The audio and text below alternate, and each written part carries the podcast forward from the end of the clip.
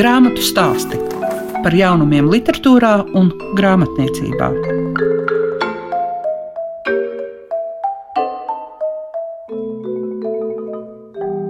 Ir atkal klāts tas laiks, kad jāklausās grāmatu stāsti. Tas nozīmē, ka esat klasikas klausītājs, un arī jums tuvas ir grāmatas. Kopā ar jums lieka piešiņa. Un šodien mēs gan ļausim Marianam Rīžijam, vai kā mēs viņu zinām, dzēniekam Mārim Salējam, pastāstīt par to, kā tad ir ar ukraiņu literatūru latviešu. Un tieši šobrīd, jo arī jaunākajā domzīmes numurā ir izlasāma ukraiņu dzēnieka dzējas kopa, un ne tikai. Kā arī atvērsim Petras Derkinas un Aivara Eipura grāmatu Latvija tik un tā, kas ļauj uz mums pašiem palūkoties no nedaudz cita skatu leņķa. Grāmatu stāsti tiem, kam grāmatu lasīšana ir vērtība. 24. februāris ir veicis izmaiņas daudzajādā ziņā mūsu domāšanā, arī mūsu interesē par literatūru. Un Marijans Rīžīs ir tas, kurš pārzina literāro Ukrainu, kurš ir jau veicis daudz un dažādus tulkojumus. Un kā Marijana tagad ir ar šo interesi par ukraiņu literatūru? Kāda tā ir? Laikam gan nu, visa pasaule tagad dzīvo ar Ukrajinu, un tā skaitā izvelk arī vairāk interesi līdzi par Ukraiņas kultūru. Jā, jo principā var teikt, ka Ukraiņas kultūra ir viens no cīņas līdzekļiem, kas arī pastāvēja jau pirms 24. februāra. Būtībā jau Ukraiņas kultūra jau gadsimtiem ilgi ir bijis viens no šiem identitātes balstiem, Ukrāņu identitātes balstiem, kas visu laiku ir apdraudēta un kas visu laiku bija un ir jāpliecina. Man liekas, ka mums tā interese agrāk vairāk ir bijusi par tieši klasiskajām vērtībām, un ka šī situācija mudina arī cilvēkus vairāk iepazīt mūsdienu Ukrāņu literatūru. Vai tā var teikt? Jā, jāatzīst, ka tā nu, varbūt atkal saistībā ar 14. gada uzbrukumu Krievijas. Tas var būt pirmais vilnis, un pateicoties iespējams arī kuram arī bija iespēja vai lielāka interese, piemēram, iznāca Sergeja Žadana grāmatas, kurš ir var teikt, viens no izcilākajiem ukrāņu mūsdienu dzīsniekiem, rakstniekiem.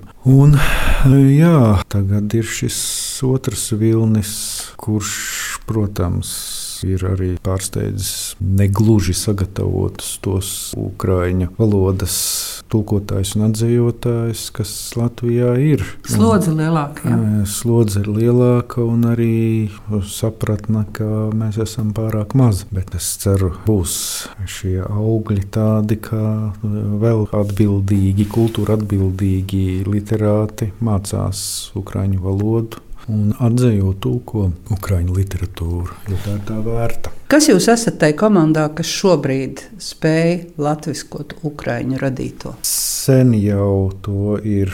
Kaut arī varbūt epizodiski, bet lieliski darījis Jānis Elsbergs, Māra Poļakova kopš 2014. gada. To dara lieliski. Jā, es arī dzan, ļoti epizodiski jāatzīst. Iepriekš esmu to darījis. Pirmie atzējumi bija 90. gados, bet nu, tā kā es vairāk šķitu saistīts ar poļu literatūru, tad Jā, Ukrāņi man ir bijusi mazāk. Ir sanācis, ka es esmu vairāk ukrāņu bērnu grāmatas tulkojis nekā pieaugušo. Jā, tas ir 36 plus 6 kaķi. Jā, jā tas ir jaunākais. Nu, negluži jaunākais, nu jau ir vēl viena grāmatiņa iznākusi par karu. Liels un mazs ir izdevis. Grāmatiņas nosaukums ir Karš, kurš pārvērta rondo ar brīnišķīgu autoru tandēmu Romanu Romanišinu un Andriju Lesivu, kuriem jau ir vismaz četras grāmatiņas iznākušas latviešu. Nu, arī pateicoties tieši izdevniecībai Liels un Mazs, kur man ir uzrunājusi. Tulkot. Bet īpaši tagad briest viens projekts Sergeja Žadana dzējas izlasi, kurā tiešām nu, vairāki atzīvotāji ir piekrituši piedalīties un atzījot. Tātad Jānis Elsbergs, Ingmāra Balode, es un arī Māra Poļakova arī būs atzīvotāja un galvenā mūsu visu ganītāja. Ko tu vēl varētu nosaukt pie padarītajiem darbiem, ko tu esi Ukraiņu literatūra latviskojis? Jā, nu, es šo divu mēnešu laikā Jāsaka, paldies lielajai interesei. Gan uh, no Domzīmes redakcijas, kurai es esmu atzījis tādu kopu, plašāku dzīvoļu izlasi, var teikt, dažādu autoru. Gan pirmo ukrāņu modernistu Pavlo Tičinu, gan lielisko 30. gadu dzinieku Bohdanu Jehovu Antoniču, gan disidentu un uh, politieslodzīto Vasiļu Stusu gan arī dzēnieci Iju Kivu, kas 14. gadā bija spiest bēgt no savas dzimtās Donetskas un konsekventi pārgāja uz ukrāņu valodu savā dairadē. Protams, ir arī viņai lieliski krievu valodā rakstīti dzīvoļi, bet viņi pārsvarā raksta ukrāņiski. Arī mans draugs un izdevējs, ukrāņu dzēnieks Jurijs Zavatskis. Un tā kā arī Latvijas pen bija sarosījies un arī piedāvāja, un es atzīvoju viņiem Vasiļu Mahno, Katerīnu Kalitko, un uh, punktu festivāls notiks vasarā, jūnijā. Tur es atzīvoju tādu plašāku Katerīnas Kalitko dzēs kopu, arī ļoti lieliska dzēniece. Nav tā, ka es tikai ukrāņus esmu atzījis. Šajās dienās Jelgavā notiek dzīslu festivāls Page Break. Arī jau gadiem ilgi es pamazām atzīvoju Baltkrievu dzēnieci Volgu Gapējevu. Tad, kad viņi atbrauc uz šejienes, tad es viņu atzīvoju. arī lieliska dzēniece, kas arī nedzīvo jau daudzus gadus Baltkrievijā, bet ir emigrācijā. Tas izklausās ļoti apjomīgi, un galvenais ir tas, ka mēs varam pateicoties tavam darbam arī sajust savā dzimtajā valodā to, kā izjūt, kā jūtas ukrāņi. Es zinu, ka tad, kad arī notika vairāk pasākumu, man uh, lika padomāt tā informācija par to, ka ukrāņu dzēnieki raksta ne tikai ukrāniski, bet bieži vien arī krieviski, un tagad tīri patriotiski iemeslu dēļ viņi pārēja tikai uz šo ukrāņu valodu. Tas ir nu, pilnīgi cilvēcīgi saprotams. Ja tie ir kā nu, tā, tā var teikt, etniskie krievi, kas ir šajos apgabalos, nu, pēc tā, ko viņi ir piedzīvojuši, un arī pirms tam jau, ka viņi atsakās, atsakās no krievu valodas, lai nebūtu nekāda viņiem sakara ar, ar okupantu zvērībām. Mhm. Nu, tas ir cilvēcīgi saprotams. Bet katru reizi, katru no nu, šādās kataklizmās, vēstures griežos, tāpat jau arī lietuviešiem un poļiem arī ir bijis tas pats, kā piemēram lietuviešu patriotu, kuru dzimtā valoda, ģimenes valoda ir bijusi poļu. Un tāpat tepat jau mums, latviešiem, piemēram, Jānis Vītols, kuram ģimenes valoda bijusi vācu valoda, Alfrēds Kalniņš, dižie mūsu latviešu komponisti. Arī tā ir zināmā mērā, zināmā vēstures lūzumā, tā ir izvēle. Izvēles valoda, kurā celt savu kultūru tas arī ir jāpieņem. Ja tev ir jāraksturo zīmes jaunākais numurs, kas tev tur likās paralēli tam, ko tu esi izdarījis, un šī ukraiņu dzējas kopa, kas tev likās tur interesants? Pēc satura nu, viņš ir diezgan piesātināts ar šo laiku. Bez dzējas kopas es pēc zīmes lūguma arī esmu sarunājis, un Jurijs Zavatskis ir rakstījis tieši kara laika dienas grāmatu, kuras esmu gan atzījis, gan iztulkojis. Tā kā viņš ir gan ukrāņu valodā raksturošs, gan arī poļu valodā raksturošs. Protams, ne jau dzēju, bet cita veida tekstus. Tad man sanāca gan no ukrāņu, gan no poļu valodas tulkot viņa dienas grāmatas vēstules.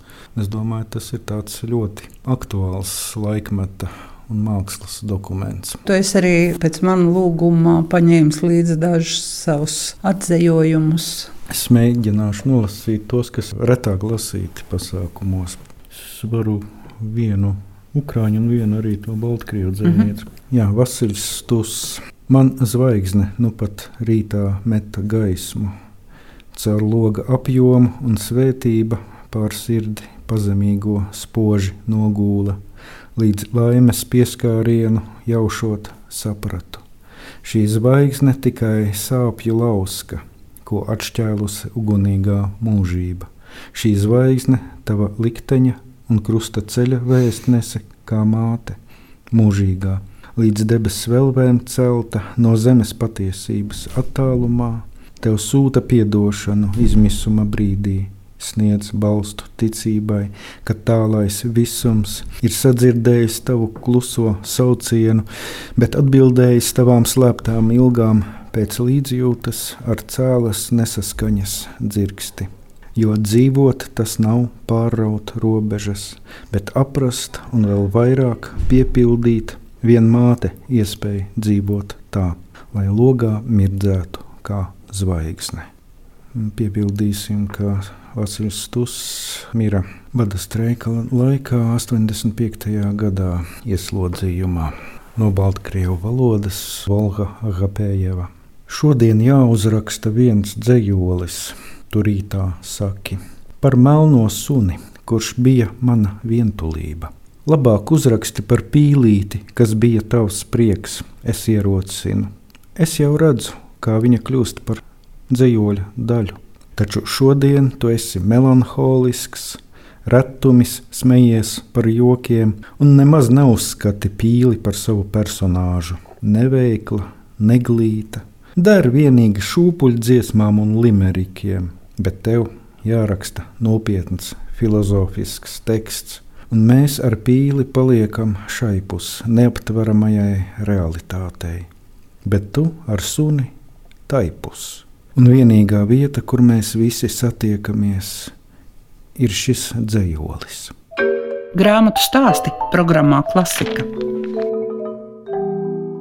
Apgādām adrese ir iznākusi grāmata ar nosaukumu Latvija tik un tā. Un tās autori ir gan mākslinieca Petra Derakina, gan arī Aivars Eipurs. Aivar, kas ir šī Latvija tik un tā? Latvija tik un tā ir uh, Latvija laikmetu griežos no vienas puses, no otras puses viņa ir dažāda un arī ne tikai ar to, ko mēs gribētu, bet arī ar to, ko mēs negribētu vai mazāk gribētu. Viņa tik un tā ir Latvija. Protams, ka šī jaunā situācija pilnīgi atšķiras, bet uh, grāmata iznāca pirms tā, kas tagad notiek Ukrajinā. Vai tas ir jau ļoti apzināti no paša sākuma, ka bija zināms, ka tas, kas veidos vizuālo, ilustratīvo materiālu, būs kolāžas. Un kolāžas, kuras lielā mērā tiek veidotas no avīžu un žurnālu izgriezumiem.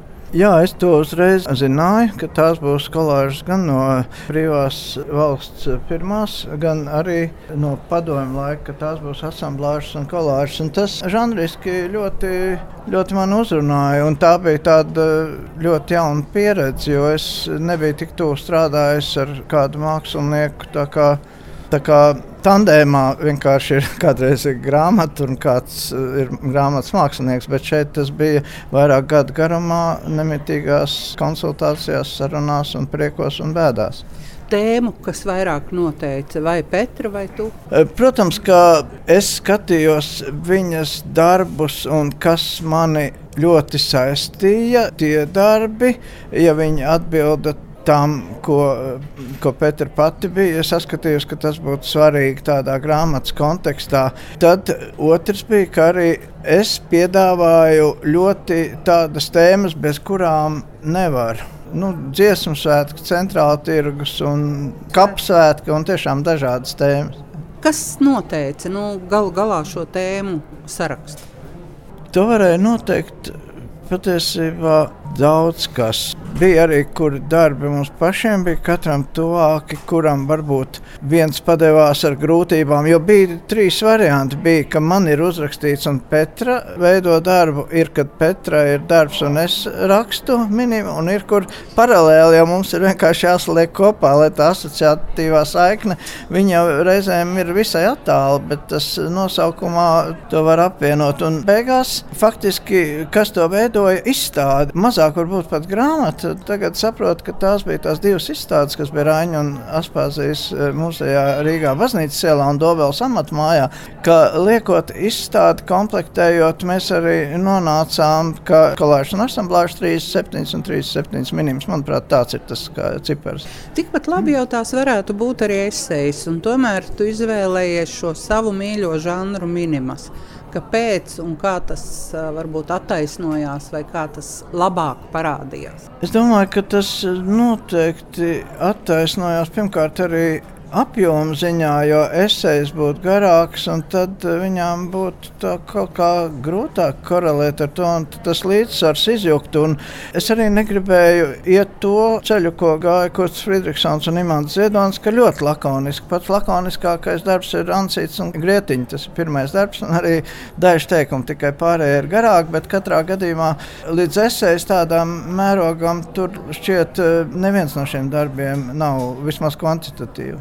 Nu, tev vajadzētu kādu no šiem 37 stāstu stāstiem izstāstīt un arī nolasīt. Petrai bija ļoti tāds darbs, kas ir eh, tāda pietura, kur saucas eh, viņpus. Tā ir ar tādu dziļu, tādu kā simbolisku, tādu asociatīvu jēgu, par kuru katram varbūt ir cita asociācija. Un uh, man bija diezgan grūti radīt šādu darbu, bet tas nāca pilnīgi nejauši stāvot uh, dzirciem ielā. Pieturā. Un tad es varētu nolasīt, jo uh, šeit uh, kolāžā ir attēlota sieviete, kas ziemas laikā stāv pieturā, kur saucas viņa pusi. Tur ir telefons, stābi, vadi. Nu, tāda diezgan tāda varbūt padrūma bilde, bet tad es lasīšu, kas ir latviešu. Un te jūs varēsiet saprast, kā tas notiek. Tas divi vienā vai, vai katram jau divi vienā tāpat ir, un tas sanāk četri, ja? divreiz divi tā kombinācija. Autobusa pieturā stāvēja māte un dēlēns. Sieviete liela auguma, turklāt nepārāk slaida. Bet puika, jāatcerieties, mātei bija prāvs septiņgadnieks. Abi apsprieda tādu parādību kā pilnmēnesis ietekmi uz laika biedriem. Ieklausījos, kad mamma teica, tie ir cilvēki, kas varbūt nav īsti garīgi slimi, bet noteiktās dienās uzvedas dīvaini. Ko viņi dara? jautāja puisēns. Viņi, piemēram, zvana pa telefonu un dod dīvainus rīkojumus, kurus tobrīd varētu arī nedot. Nē, nu, kur es strādāju, mans fakultātes dekāns ir normāls, bet daži citi nav. Viņus ietekmē pilnmēnesis. Bet mēnesis taču pa dienu nav. Vienalga ietekmē. Viņi varētu palikt mājās, dēls prātīgi ieteica. Nē, mājās viņiem tajās dienās nav interesanti. Viņi nāk uz darbu un rosās. Laikam jau mātei šie cilvēki darbā traucē ne pa jokam. Bet viņi varētu rosīties uz māju un ierosīties gultā, Zēns teica. Tur jau arī nāca mans autobus. Turklāt risinājums bija atrasts. Un šī grāmata ir gan latviešu, gan angļu valodā. Kā pie tās izvēles nonāca? Tas bija faktiski pakārtots um, grāmatas nosaukumam, jo sākumā, kad mēs, mēs to grāmatu radījām, mēs kaut kā domājām varbūt arī par kaut kādu līdzekļu piesaistu. Protams, ka tas ir Jebkurā gadījumā arī stāsts par to, ka Petra ir no Šveices un iepriecējusies Latvijā un tā tālāk. Un joprojām, un tie bija tie aktīvie Latvijas simtgadus gadi. Mums likās, ka mums ies arī ātrāk. Un tāpēc tas nosaukums arī tāds, ja reiz uh, mēs šaujam septiņniekā, Tad kāpēc mēs nevaram šaut deviņniekā un desmitniekā? Mēs domājam, lai arī citi to varētu izlasīt, un varbūt šī ir tiešām grāmata, kur ir ielikās lasām lidmašīnā, braucot mājās no Latvijas. Piemēram, kā tad gājot, vai tiešām tā bija redzama, cik viņiem jocīgi bija tāda atpakaļ. Un mums šodien bija tā.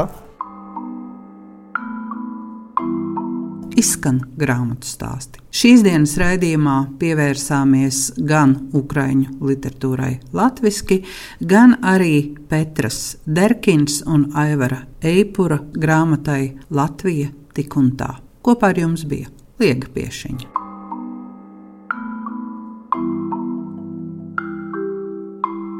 Grāmatu stāsti par jaunumiem literatūrā un grāmatniecībā ik trešdien, 9.5. ar atkārtojumu Svētdien, 18.15.